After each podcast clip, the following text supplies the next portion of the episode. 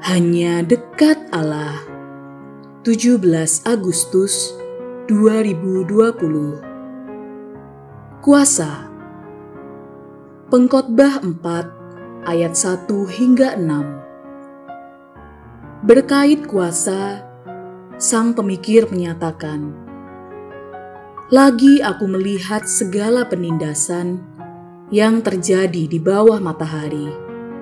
Dan lihatlah, air mata orang-orang yang ditindas dan tak ada yang menghibur mereka. Karena di pihak orang-orang yang menindas ada kekuasaan. Inilah kenyataan yang dengan tepat ditekankan juga oleh Lord Acton. Kuasa cenderung menyimpang, dan kuasa mutlak pasti menyimpang. Ya, orang yang berkuasa cenderung mudah menggunakan kuasanya untuk menindas orang lain. Inilah yang menyebabkan budaya korupsi tumbuh subur.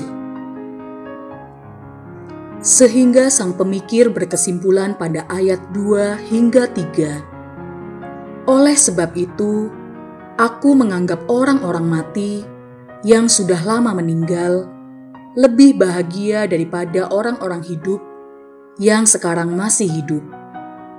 Tetapi yang lebih bahagia daripada kedua-duanya itu, kuanggap orang yang belum ada, yang belum melihat perbuatan jahat yang terjadi di bawah matahari.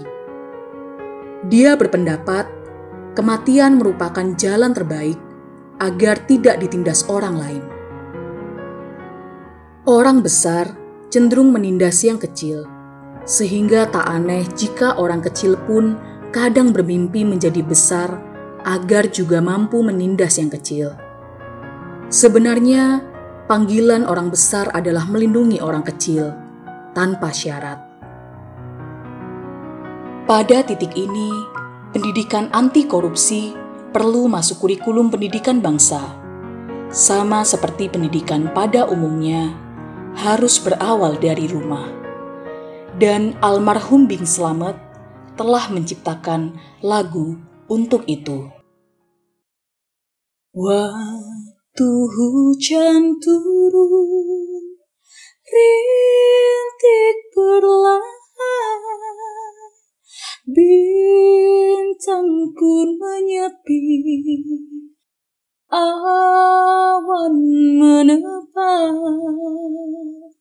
Ku timbang si buyung pelayan saya.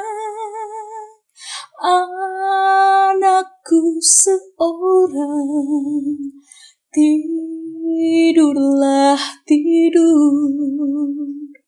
Ibu mendoa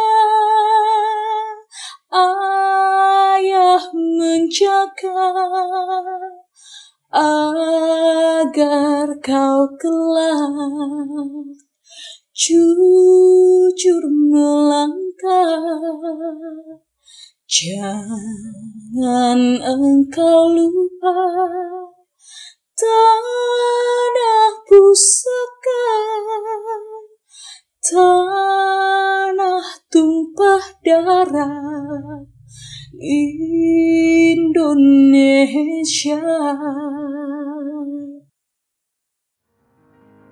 Bing Slamet agaknya paham, jujur tak hanya berkait kata, tetapi juga tindakan. Jujur melangkah. Inilah yang harus kita kumandangkan lebih keras pada hari-hari ini di samping pekik. Merdeka!